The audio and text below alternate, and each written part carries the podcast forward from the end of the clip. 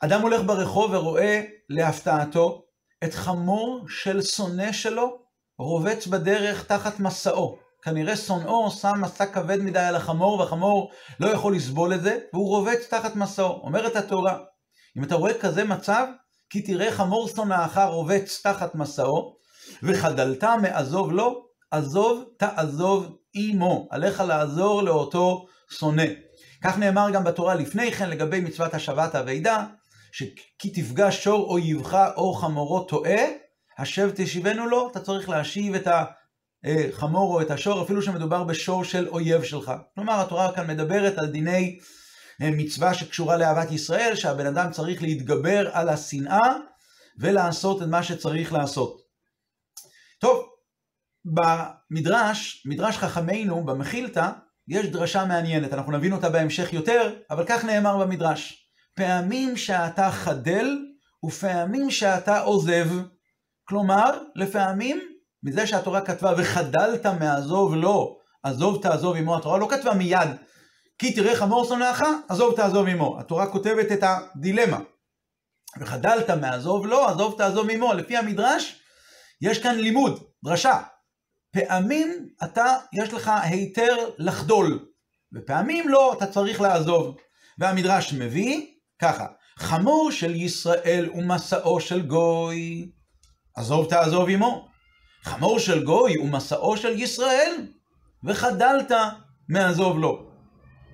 דוגמה שנייה, היה בבית הקברות, כלומר השור הרבצן, החמור הרבצן הזה, נמצא בבית הקברות, ומדובר כאן בכהן, אל יטמא. גם אם הבהמה שמה נמצאת בבית הקברות, אסור לך ככהן להיטמא לשם כך, לכך נאמר וחדלת מעזוב, פעמים שאתה חדל ופעמים שאתה עוזב. זה, זוהי הדרשה שמופיעה במחילתא. מעניין שרש"י, כשהוא מלמד אותנו איך ללמוד את הפסוקים, הדבר הראשון רש"י מלמד אותנו איך לקרוא את הפשט. הוא אומר ככה, לפי פשוטו, הפתרון של הפסוק הוא כזה, שמא תראה, וחדלת, שמא תראה חמורו רובץ תחת מסעו וחדלת מעזוב לו, בתמיהה, עזוב תעזוב עמו, ורש"י מביא דוגמה שיש לפעמים כאלה ניסוח של פסוקים. שכתוב בתמיהה ואז מיד כתוב מה צריך לעשות. ורש"י ממשיך. ומדרשו כך דרשו רבותינו. הוא לא אומר מדרשו, מדרשו כך דרשו רבותינו. כי תראה וחדלת, פעמים שאתה חודל ופעמים שאתה עוזר. והנה הדוגמאות שרש"י מביא, זקן ואינה לפי כבודו, מדובר כאן בן אדם זקן, אדם מבוגר או בן אדם חשוב, וזה לא לפי כבודו ללכת כעת ולפרוק את המסע מעל גבי החמור. זוהי הדוגמה האחת, וחדלת. דוגמה שנייה, חמורו של בהימת נוכרי ובמסע של ישראל, וחדלת, כמו שנבין בהמשך. אבל בכל אופן רש"י מביא שתי דוגמאות, זקן ואינה לפי כבודו, דוגמה אחת, דוגמה שנייה, דוגמה שבאמת מופיעה במחילתא. רגע, רש"י מביא מהמחילתא. אם מדובר מהמחילתא, למה רש"י לא מביא את הדוגמה שנאמרה במחילתא, כהן והיא בבית הקברות? וגם, למה רש"י שלח את הדוגמה של חמור של נוכרי ובהמה ומסוי של ישראל, הוא מביא את זה רש"י כדוגמה שנייה, בא בשעה שהמחילתא מביא את זה כדוגמה ראשונה. ובכלל, הניסוח כאן ברש"י הוא מעניין. רש"י מביא פעמים שאתה חודל ופעמים שאתה עוזר, והוא מביא רק דוגמאות לפעמים שאתה חדל, הוא לא מביא דוגמאות מתי אתה באמת עליך לעזור. באמת במחילתא גם מופיע את אותו ניסוח, אבל במחילתא באמת מביאים דוגמה לזה ודוגמה לזה. מתי באמת צריך לעזור, ומתי באמת אפשר לחדול. כהן בבית הקברות, לחדול. חמורו של נוכרי, ובהמת ישראל, ומסוי של ישראל, לחדול. רש"י לא מביא את זה, רש"י מביא רק דוגמאות שבהם צריך לחדול. אה, אתה מביא רק דוגמאות שצריך לחדול, אז רש"י היה צריך לומר, פעמים שאתה חדל. למה רש"י מתנסח בניסוח שווה? פעמים שאתה חדל או פעמים שאתה עוזר ולא מביא תוג... לא, שום דוגמאות לפעמים שאתה עוזר. יש כאן איזשהו עניין. טוב, לגבי אה, אה, הסיבה שרש"י משמיט את הדוגמה שמופיעה במחילתא של אה, כהן ואי בבית הקברות, יכולנו לומר שלכהן בבית הקברות אסור לו בכל מקרה להיטמא כי האיסור הוא איסור מאוד מאוד חזק, הוא איסור של מצוות עשה ומצוות לא תעשה. אז בוודאי שמצוות עשה ומצוות לא תעשה לא יתגברו על מצוות עשה אחת של עזוב תעזוב עמו. ככה יכולנו לומר. האמת היא שככה גם מופיע בגמרא לגבי פסוק אחר, אבל קשה לומר שלדעת רש"י הפטור מלעזור בשני המקרים הללו, בזקן ועיניו לפי כבודו, ובבהמת אה, נוכרי, נלמד מהפסוק וחדלת. ולכן הוא לא מביא את הדוגמה של היה בבית הקברות, כי בבית הקברות יש כבר לימוד אחר. לא, אי אפשר לומר את זה. כי דבר ראשון, איך יכול, אם אתה באמת, אם רש"י סבור שמה וחדלת לומדים את הפטור בזקן ועינה לפי כבודו ובחמור של נוכרי, אז איך אפשר ללמוד שני עניינים שונים? זקן ועינה לפי כבודו זה שחובת הפריקה לפרוק את המסע לא מנצחת, לא חזקה יותר מאשר כבוד האדם. זה, זה לא דוחה את כבוד האדם. זה עניין אחד. אחרי זה עניין שני, שבהמת נוכרי ומסע של, של ישראל וחדלת, שחובת הפריקה כאן לא קשורה לעניין, זה לא קשור לעניין של צער בעלי חיים.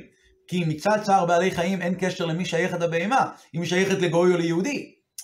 אז אי אפשר, אי אפשר לומר שלפי דברי רש"י לומדים מה"וחדלת" שני עניינים שונים. או שמה"וחדלת" לומדים שכבוד האדם דוחה את מצוות הפריקה, או שלומדים שמצוות הפריקה לא קשורה לעניין צער בעלי חיים, כמו שנבין בהמשך.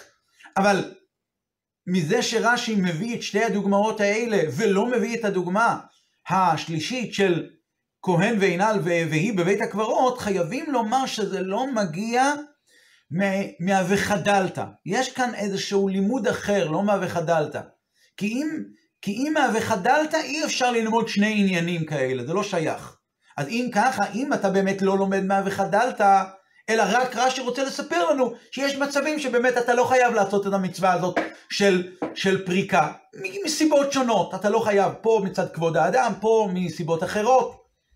אז למה רש"י לא מביא את הדוגמה השלישית, הדוגמה של כהן והיא בבית הקברות, שהמחילתא מביא אותה. זו דוגמה שבה אתה לא צריך ללכת ולפרוק את המסע, מסיבות כאלה ואחרות, לא משנה בגלל מה.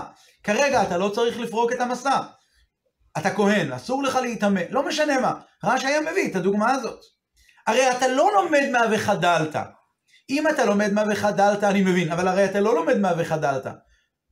אז למה אתה לא מביא את הדוגמה הזאת?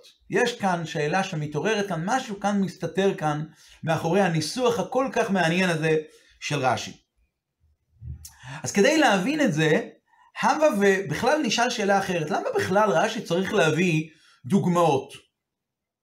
הרי הפסוק הקודם, הפסוק, ב, סליחה, לא הפסוק הקודם, ב, בספר דברים, בפרשת כי תצא, שם כתוב, לא תראה את חמור אחיך או את ציון נידחים בדרך והתעלמת מהם? הש... לא, לא אסור לך להתעלם, השב תשיבנו לו.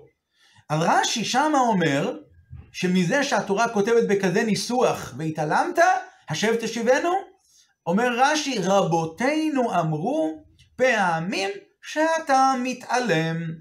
זהו.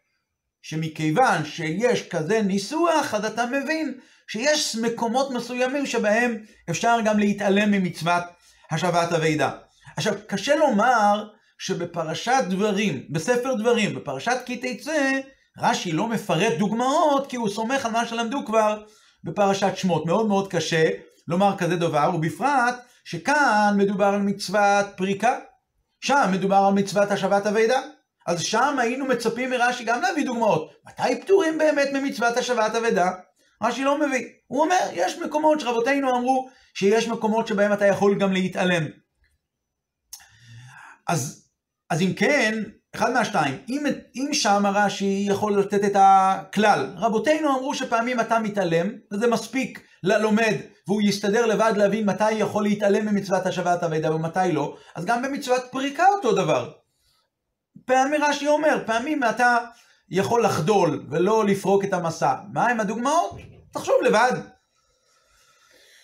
ומזה שרש"י בחר להביא כאן שתי דוגמאות, אנחנו צריכים כאן להבין, יש כאן כנראה משהו מיוחד. ושנית, הקושי הנוסף, בהימת נוכרי ומסעו של ישראל זה לא מתאים למצוות השבת אבידה.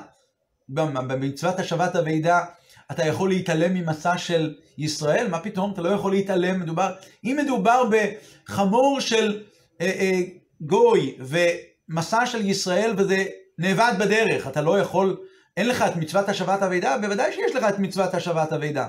אז לא, יכול, לא, לא יכולים לומר שבמצוות השבת אבידה רש"י סומך על הפרטים שנאמרו כאן, במצוות פריקה וטעינה. לכן חייבים לומר שהכוונה של רש"י היא לא לפרט הלכות ולא לתת דוגמאות הלכתיות, אלא הכוונה שלו היא לפרש את הפסוקים. ומכיוון שאצלנו הוא כן נתן דוגמאות לפעמים שאתה חדל, כנראה שהדוגמאות האלה מוסיפות לפירושם של הפסוקים.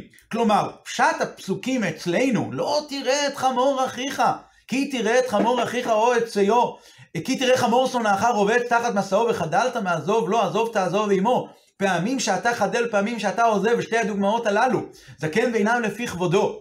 או באימת נוכרי ומסע של ישראל, שתי הדוגמאות האלה כנראה מוסיפות בהבנת הפסוק וחדלת מעזוב לו, בהבנת פשט הפסוק של וחדלת מעזוב לו. וזה גם הסיבה שרש"י מתנסח בניסוח מעניין שלא מופיע תמיד.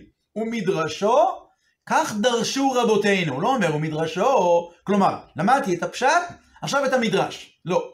ומדרשו, כך דרשו רבותינו. האריכות הזאת באה לומר שיש כאן איזשהו משהו שהוא סיוע חזק מאוד להבנת פשט הפסוקים.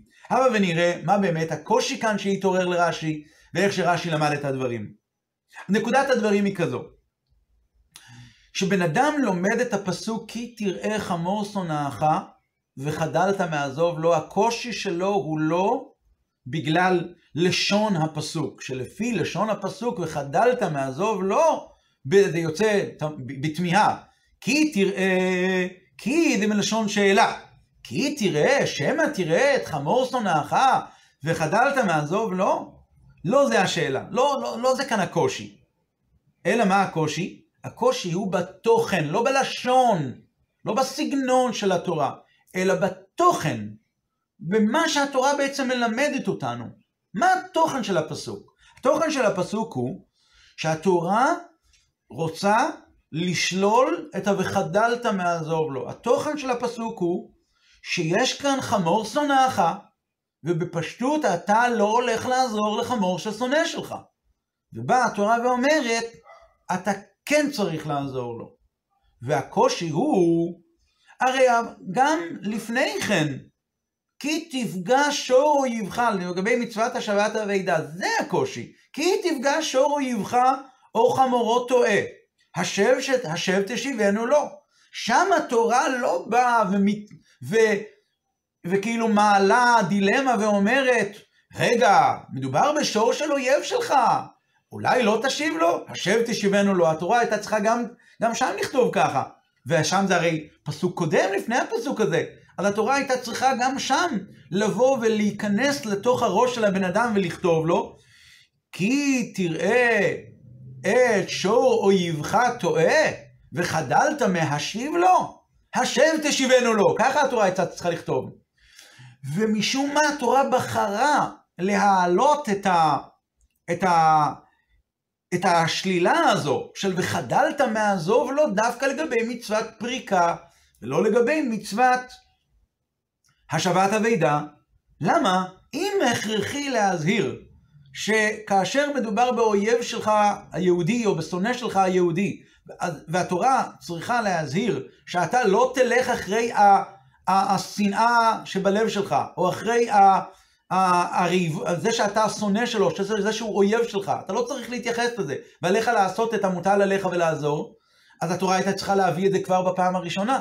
למה היא דחתה את זה דווקא לפעם השנייה של, של כי תראה חמור שונאך רובץ בדיני פריקה? מזה הבין רש"י שהעניין של וחדלת מלמד דין שקשור דווקא לפסוק שלנו. ולכן רש"י לא יכל להגיד, ומדרשו, אלא ומדרשו, כך דרשו רבותינו, ומביא את הדוגמאות. ורש"י לא יכול להביא, ומדרשו, פעמים שאתה חדל וזהו זה. ולתת לבד ללומד להבין באיזה מקרים צריך לחדול ובאיזה מקרים לא צריך לחדול. אלא רש"י מביא את הדוגמאות, שזה, הדוגמאות האלה יתאימו דווקא לדיני פריקה ולא לדיני השבת אבידה. והנקודה היא כזו. הנקודה היא כזו. כשרש"י מביא את, ה, את המדרשו, זה לא פירוש חדש, זה לא פירוש אחר, זה המשך לפירוש הקודם. זה המשך לפשט. הדרש כאן למעשה משלים משהו צדדי שקשור לפשט. ולכן הוא אומר, ומדרשו, כך דרשו רבותינו, הוא לא אומר ומדרשו. רש"י מדרש שהמדרש כשלעצמו, נכון, הוא רחוק יותר מהפשט, אבל מכיוון שמדרשו כך דרשו רבותינו, אז זה, זה נשאר דרש, אבל כשמצרפים את המדרש אל הפשט, אזי הפשט יהיה מצוין. כלומר, בעניין של וחדלת, התורה מנסה לרמז לך שלפעמים אתה חדל. זאת אומרת, על ידי שמביאים את המדרש הזה, וחדלת מעזוב לו, פעמים שאתה חדל, פעמים שאתה עוזב, אתה לא, אין לך כאן שאלה בפשט. בפשט הבנו. אבל על ידי המדרש הזה, אנחנו נבין את ההבדל שיש, למה פה בדיוק באה התורה והייתה חייבת לשלול את המשמעות שאתה לא תלך לעזור לו. אם צריכים לשלול את המשמעות לא לעזור לאויב, אז צריך להביא את זה כבר בפסוק הקודם.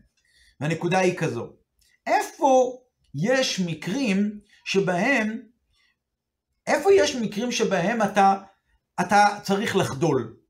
זקן ואינה לפי כבודו. יש כאן חובה לבן אדם לפרוק מסע משור של סונחה.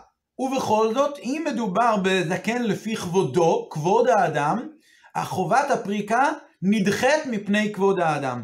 על אחת כמה וכמה כאשר הבן אדם הוא לא רק מצד שהוא כבוד שלו, אלא מצד חולשתו של הבן אדם, שהבן אדם הוא פשוט חלש. בוודאי ובוודאי שהוא לא צריך ללכת ולעשות את זה ולפרוק את המסע. אם כאשר מדובר על כבודו של האדם דוחה את חובת הפריקה, חולשת האדם ודאי דוחה את חובת הפריקה. זה דבר אחד. דבר שני, בהימת נוכרי ומסעו של ישראל, וזה כבד מאוד בשבילך עכשיו להוריד את המסע, אז פה אומרים לך התורה, אתה כרגע לא צריך להצט... להתחשב בצער של הבהמה, ופה אתה צריך, אתה מותר לך לחדול, ככה אומרת התורה.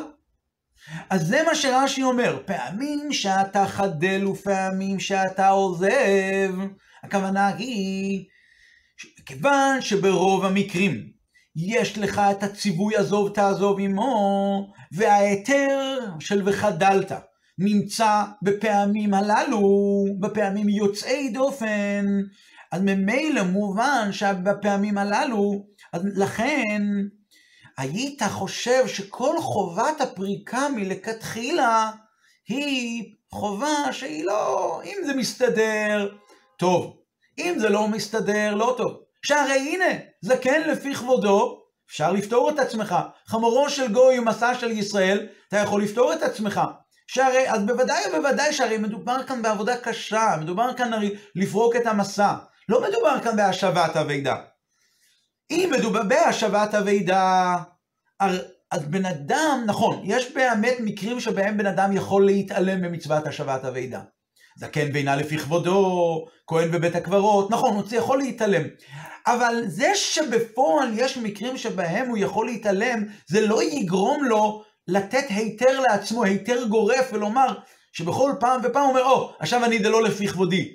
למה? כי בסך הכל מה מדובר כאן? השבת אבידה. השבת אבידה היא מצווה קלה יותר. היא דורשת פחות טרחה. הרי מדובר כאן בחמור או בשור, החי נושא, את, אפשר לסחוב את זה, החי נושא את עצמו, ו... ולכן, מכיוון שהחי נושא את עצמו, אז זה לא כל כך טרחה כבדה. אולי הטרחה היא יותר אחרי זה, אז יש בזה פרטים, מה לעשות, כמה לתת לחמור אוכל וכולי וכולי, זה כבר מדובר באריכות בגמרא. ועל יסוד מדרשי חכמינו בתורה. אבל כאשר מדובר על עצם ההשבה מלכתחילה, אתה לא תיקח לעצמך היתר גורף בגלל שיש פעמים שאתה מותר לך על פי תורה להתעלם. אבל במצוות פריקה, פה ירדה תורה לסוף דעתו של אדם. כאילו רש"י אומר ככה, מכיוון שפעמים שאתה פורק וחודל ופעמים שאתה עוזר, והנה הדוגמאות של זקן ואינה לפי כבודו. ובאימת נוכרי, שבשתי הדברים האלה אתה רואה שיש כאן גורמים שיכולים להתיר לך. טיפה כבוד האדם, טיפה חולשת האדם, או משהו שהוא לא קשור אליי, כבר אתה לא קשור גם לצערה של הבהמה, אז כבר אתה יכול, ומדובר הרי באויב שלך, אויב גוי, אז כבר אתה יכול לפתור את עצמך מהעניין. באה התורה ואומרת לך, אל תיקח מכאן היתר גורף לכל המקרים. לא, עזוב תעזוב עמו. למרות שבאמת יש מצבים שבאמת הפעמים אתה חדל ופעמים אתה עוזב, ועדיין, בכל פעם שאתה כן יכול, ואז אל, אל תיקח את הדוגמאות האלה כמודל, ואתה תשתדל, עזוב תעזוב עמו. ולכן התורה כותבת את זה בשלילה. חדלת מעזוב? לא. אתה תיקח את הדוגמאות האלה ותיתן היתר לעצמך, היתר גורף לכל מצב ומצב? לא. אל תעשה את זה. ולכן רש"י מביא את הדוגמאות האלה של זקן ואינה לפי כבודו, ולכן הוא הביא את הדוגמה הזאת של זקן ואינה לפי כבודו לפני הדוגמה של בהימת נוכרי ומסע של ישראל. כי מה באמת הגורם העיקרי שיכול להטעות את הבן אדם ולהגיד לו, אה, אל תלך תעזור עכשיו לחברך, לא, לאויב, לשונאך הזה. מה הגורם העיקרי? זקן ואינה לפי כבודו. הנה, ישנו דין שזקן ואינו לפי כבודו, הוא לא צריך לעשות את זה. אז ככה בן אדם ייתן כבר לעצמו פטור מיידי לכל מצב ומצב. ולכן, מכיוון שזה הגורם העיקרי שיכול להטעות, רש"י מביא אותו כדוגמה ראשונה, למרות שזה בכלל לא מופיע במחילתא. עכשיו, לפי זה נבין גם למה רש"י לא מביא את הדוגמה של היה בבית הקברות. למה? כי מהמקרה הזה אי אפשר לתת היתר גורף למצבים אחרים של חמור רבצן. הרי כל הרעיון של רש"י הוא כאן להסביר, ומדרשו כך דרשו רבותינו כהמשך לפשט. מה יכול לגרום לבן אדם את התמיהה? מה יכול לגרום לבן אדם את ההיתר הזה? שעליו מתפלאת התורה ואומרת, לא, לא, לא, אל תיקח את ההיתר הזה לעצמך. מה כן יכול לגרום? זה כן, ואינו לפי כבודו יכול לגרום לבן אדם היתר. חמורו של נוכרי ו... ומסע של ישראל יכול לגרום לך את ההיתר, אבל כאשר מדובר בכהן והיה בבית הקברות, זה יגרום לך היתר? זה א', מדובר דווקא על כהן. שתיים, בהמה עם מסע בבית הקברות זה מקרה מאוד מאוד נדיר. מה עושה הבהמה בבית הקברות? וזה שהכהן, זה שמצא אותה דווקא כהן, מצא אותה בכזה מצב שהוא רובץ תחת מסעו.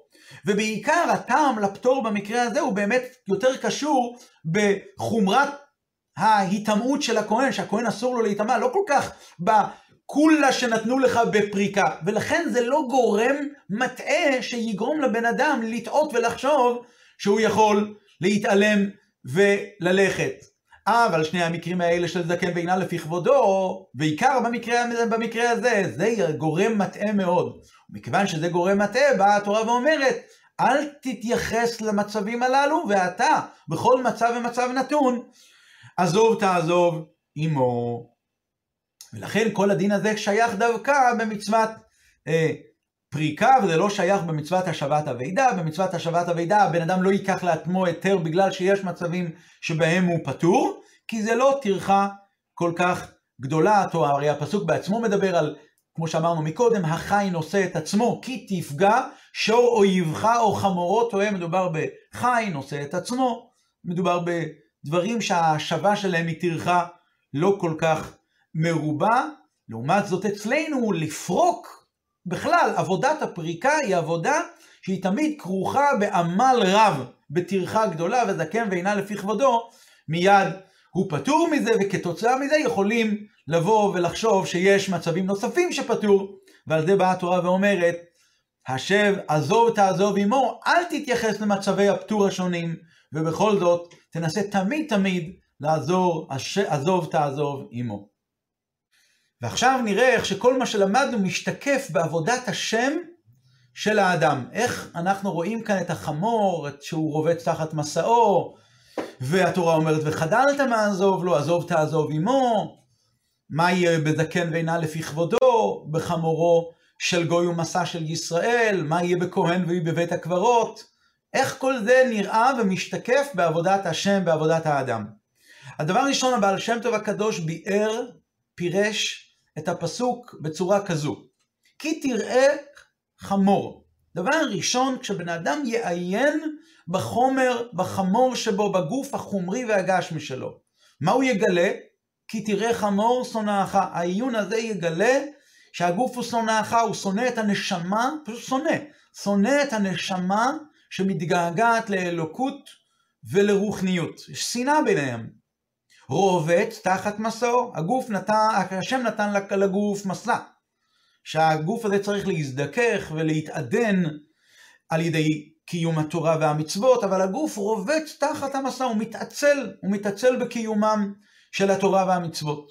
וחדלת מעזוב לו, אז אחרי העיון הזה, שהוא מגלה האדם שהחמור הוא שונאו, שמא יעלה על לב האדם לזנוח את העבודה בזיכוך וקידוש הגוף על ידי התורה והמצווה, וללכת בדרך אחרת, ללכת בדרך של לשבור את חומריות הגוף על ידי סיגופים, ככה אומר הבעל שם טוב, וחדלת מעזוב, לא, אולי כדאי לשבור את הגוף, עזוב תעזוב עמו. המחשבה הזו היא לא נכונה, לא בזו הדרך, אומר הבעל שם טוב, ישכון אור התורה. אלא מה מוטל על האדם? לברר את הגוף ולזכחו, ולא לשוברו בסיגופים.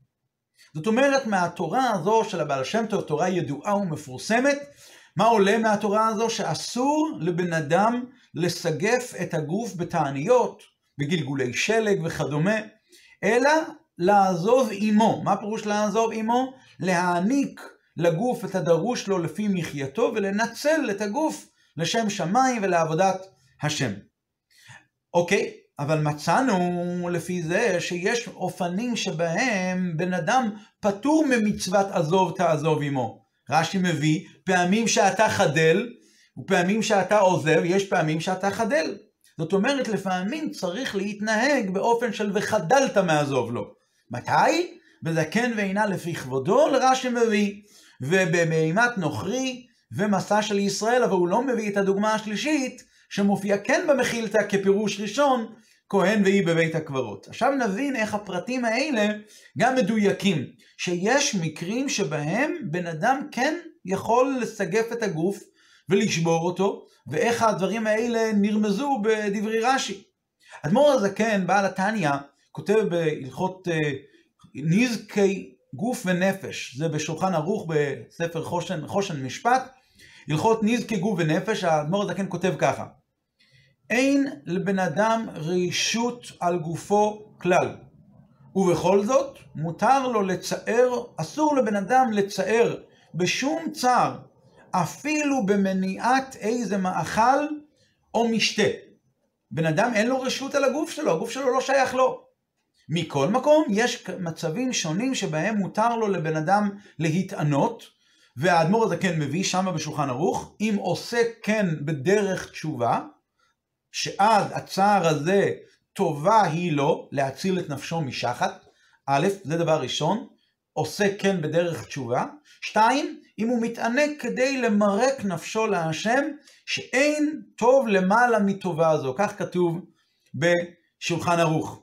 עכשיו, הנוס, המבט הכללי של בעל התניא על ענייני תעניות ותשובה מופיע באיגרת התשובה, בספר התניא חלק איגרת התשובה, ושם אדמו"ר הזקן כותב במפורש בסוף פרק ראשון של איגרת התשובה, שהתענית להתענות זה בכלל לא חלק ממצוות התשובה. הוא אומר, ולא כדעת ההמון שהתענית היא התשובה, שהתשובה היא התענית, לא. זה לא נכון. מהי התשובה, אומר אדמו"ר הזקן? מה זה לעשות תשובה? עזיבת החטא בלבד.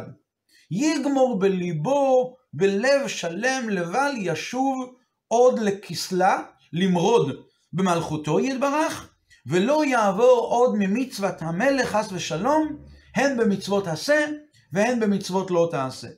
זה בעצם, אומר אדמו"ר הזקן, זוהי התשובה, זוהי ההגדרה של תשובה, לעזוב את החטא. הוא אומר בלבד, זוהי עזיבת החטא.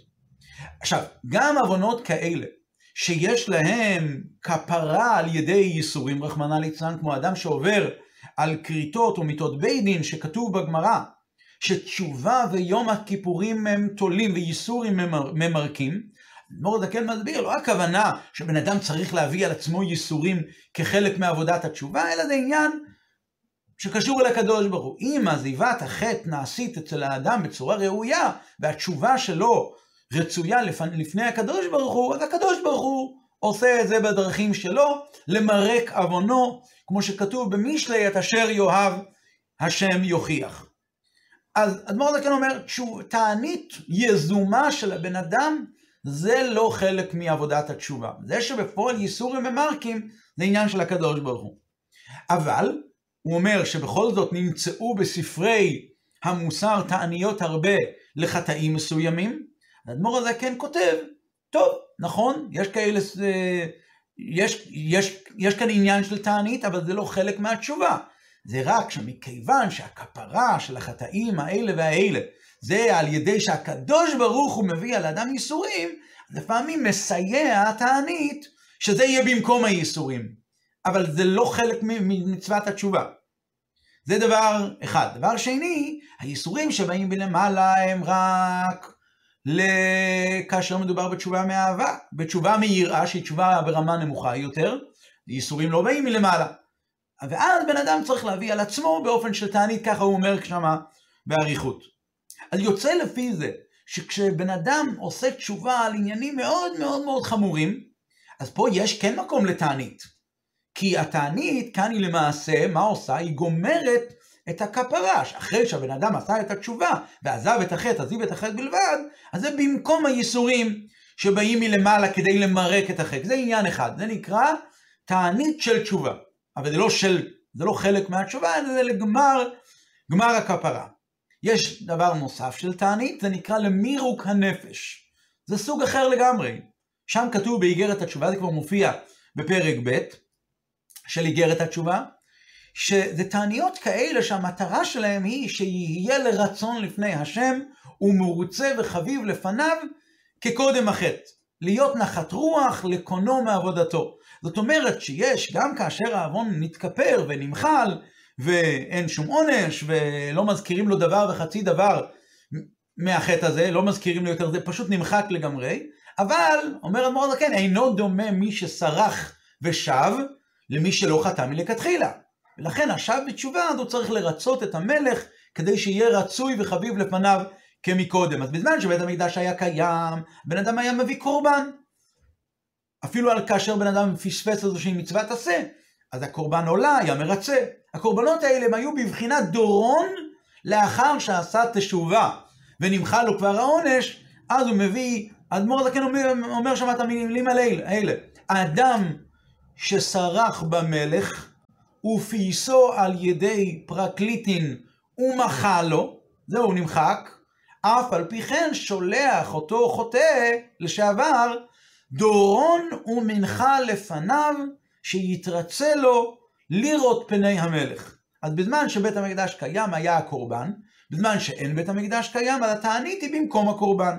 שמה זה התענית? מיעוט החלב והדם של הבן אדם, ממעטים את החלב והדם, שזה בתמורה להקרבת החלב והדם של הקורבן.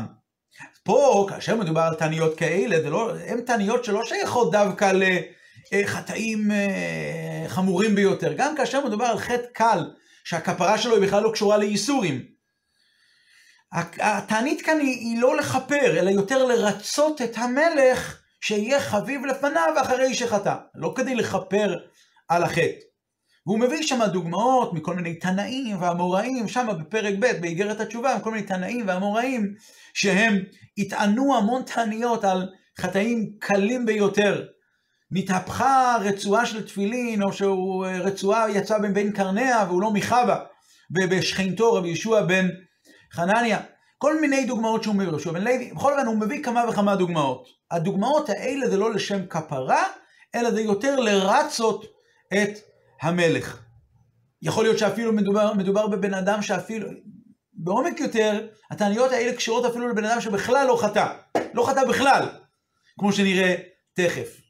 עכשיו, אחרי שהבנו כאן שאת הפחות או יותר מתי אדמו"ר הזקן כן מאפשר תענית, אז עכשיו, נקש... עכשיו נשלב את זה עם דברי הבעל שם טוב. הבעל שם טוב אומר שאסור לענות את הגוף, אסור להתענות, אסור לסגף, אלא יש צורך להתנהג באופן של עזוב תעזוב עמו, לזכך את הגוף ולקדש אותו, לנצל את הגוף לשם שמיים ולעבוד, ולעבודת השם יתברך.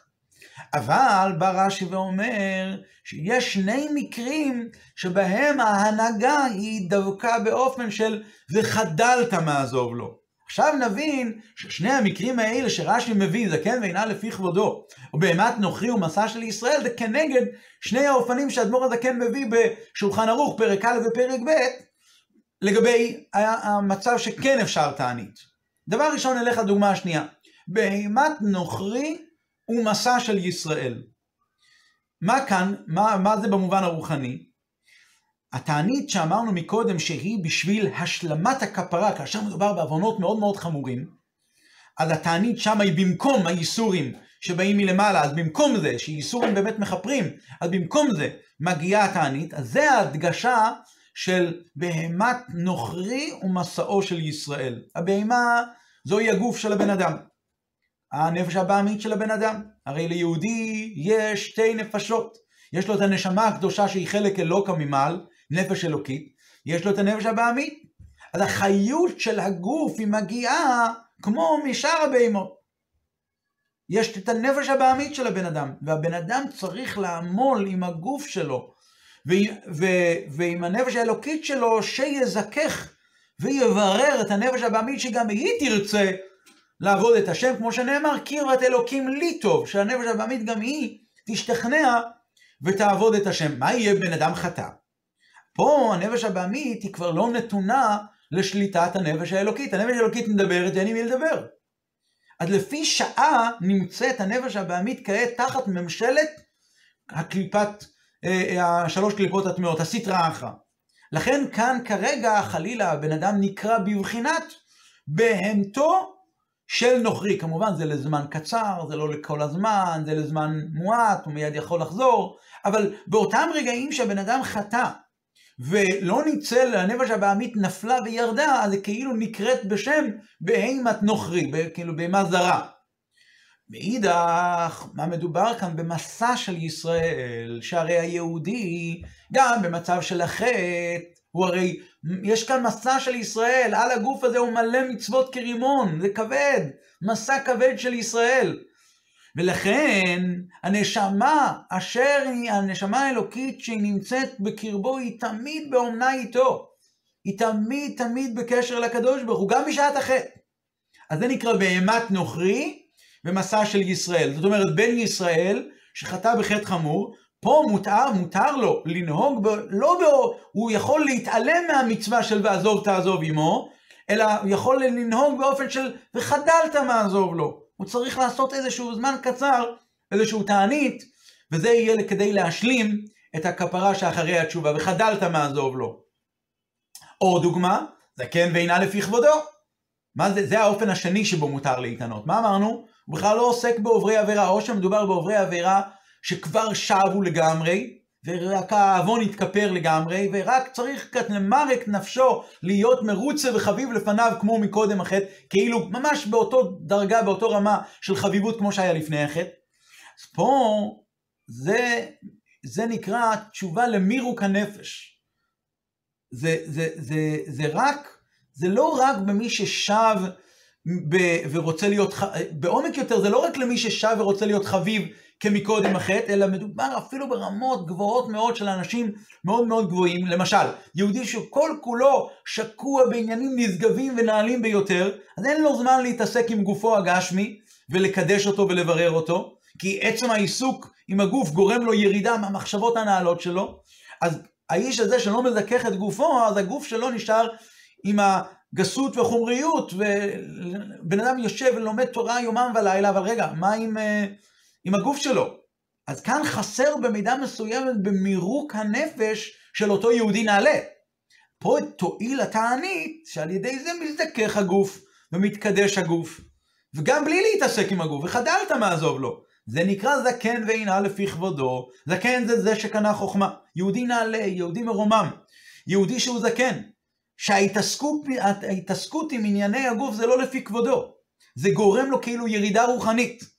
פה נאמר וחדלת מעזוב, לא פעמים שאתה חדל, יש לו היתר להתענות כדי לזכך את גופו, שלא, שהגוף עצמו לא יהיה גס ולא יהיה מגושם.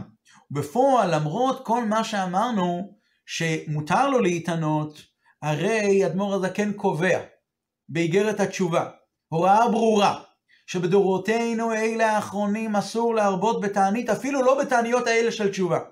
לפדות את התענית בצדקה. ומכיוון שהחולשה של הדור זה לא קשורה לבחירה שלנו, אלא ככה הקדוש ברוך הוא ברא את הדור. אז בוודאי שמכיוון שהוא ברא את זה באופן הזה, אז הבעל שם טוב מראה לנו, והאדמו"ר הזקן מראה לנו, שבאמת לא חסר שום פגם, ואם בעניינים האלה לא צריך להשלים את זה בפועל על ידי תעניות וסיגופים, אלא בכוחנו לעשות את הדברים האלה לא באופן של צער ולא באופן של דאגה, אלא דווקא מתוך שמחה וטוב לבב, ועל ידי זה הוא גורם גם את שני העניינים האלה, גם את העניינים של תשובה בשלימות, גם את העניין של למרק הנפש, וחדלת מעזוב לו, ועזוב תעזוב עמו, כי היום בדורנו אפשר לעשות את הכל מתוך שמחה וטוב לבב עם נתינת צדקה וכולי וכולי. שיהיה לנו שבת שלום ומבורך ובשורות טובות ומשמחות.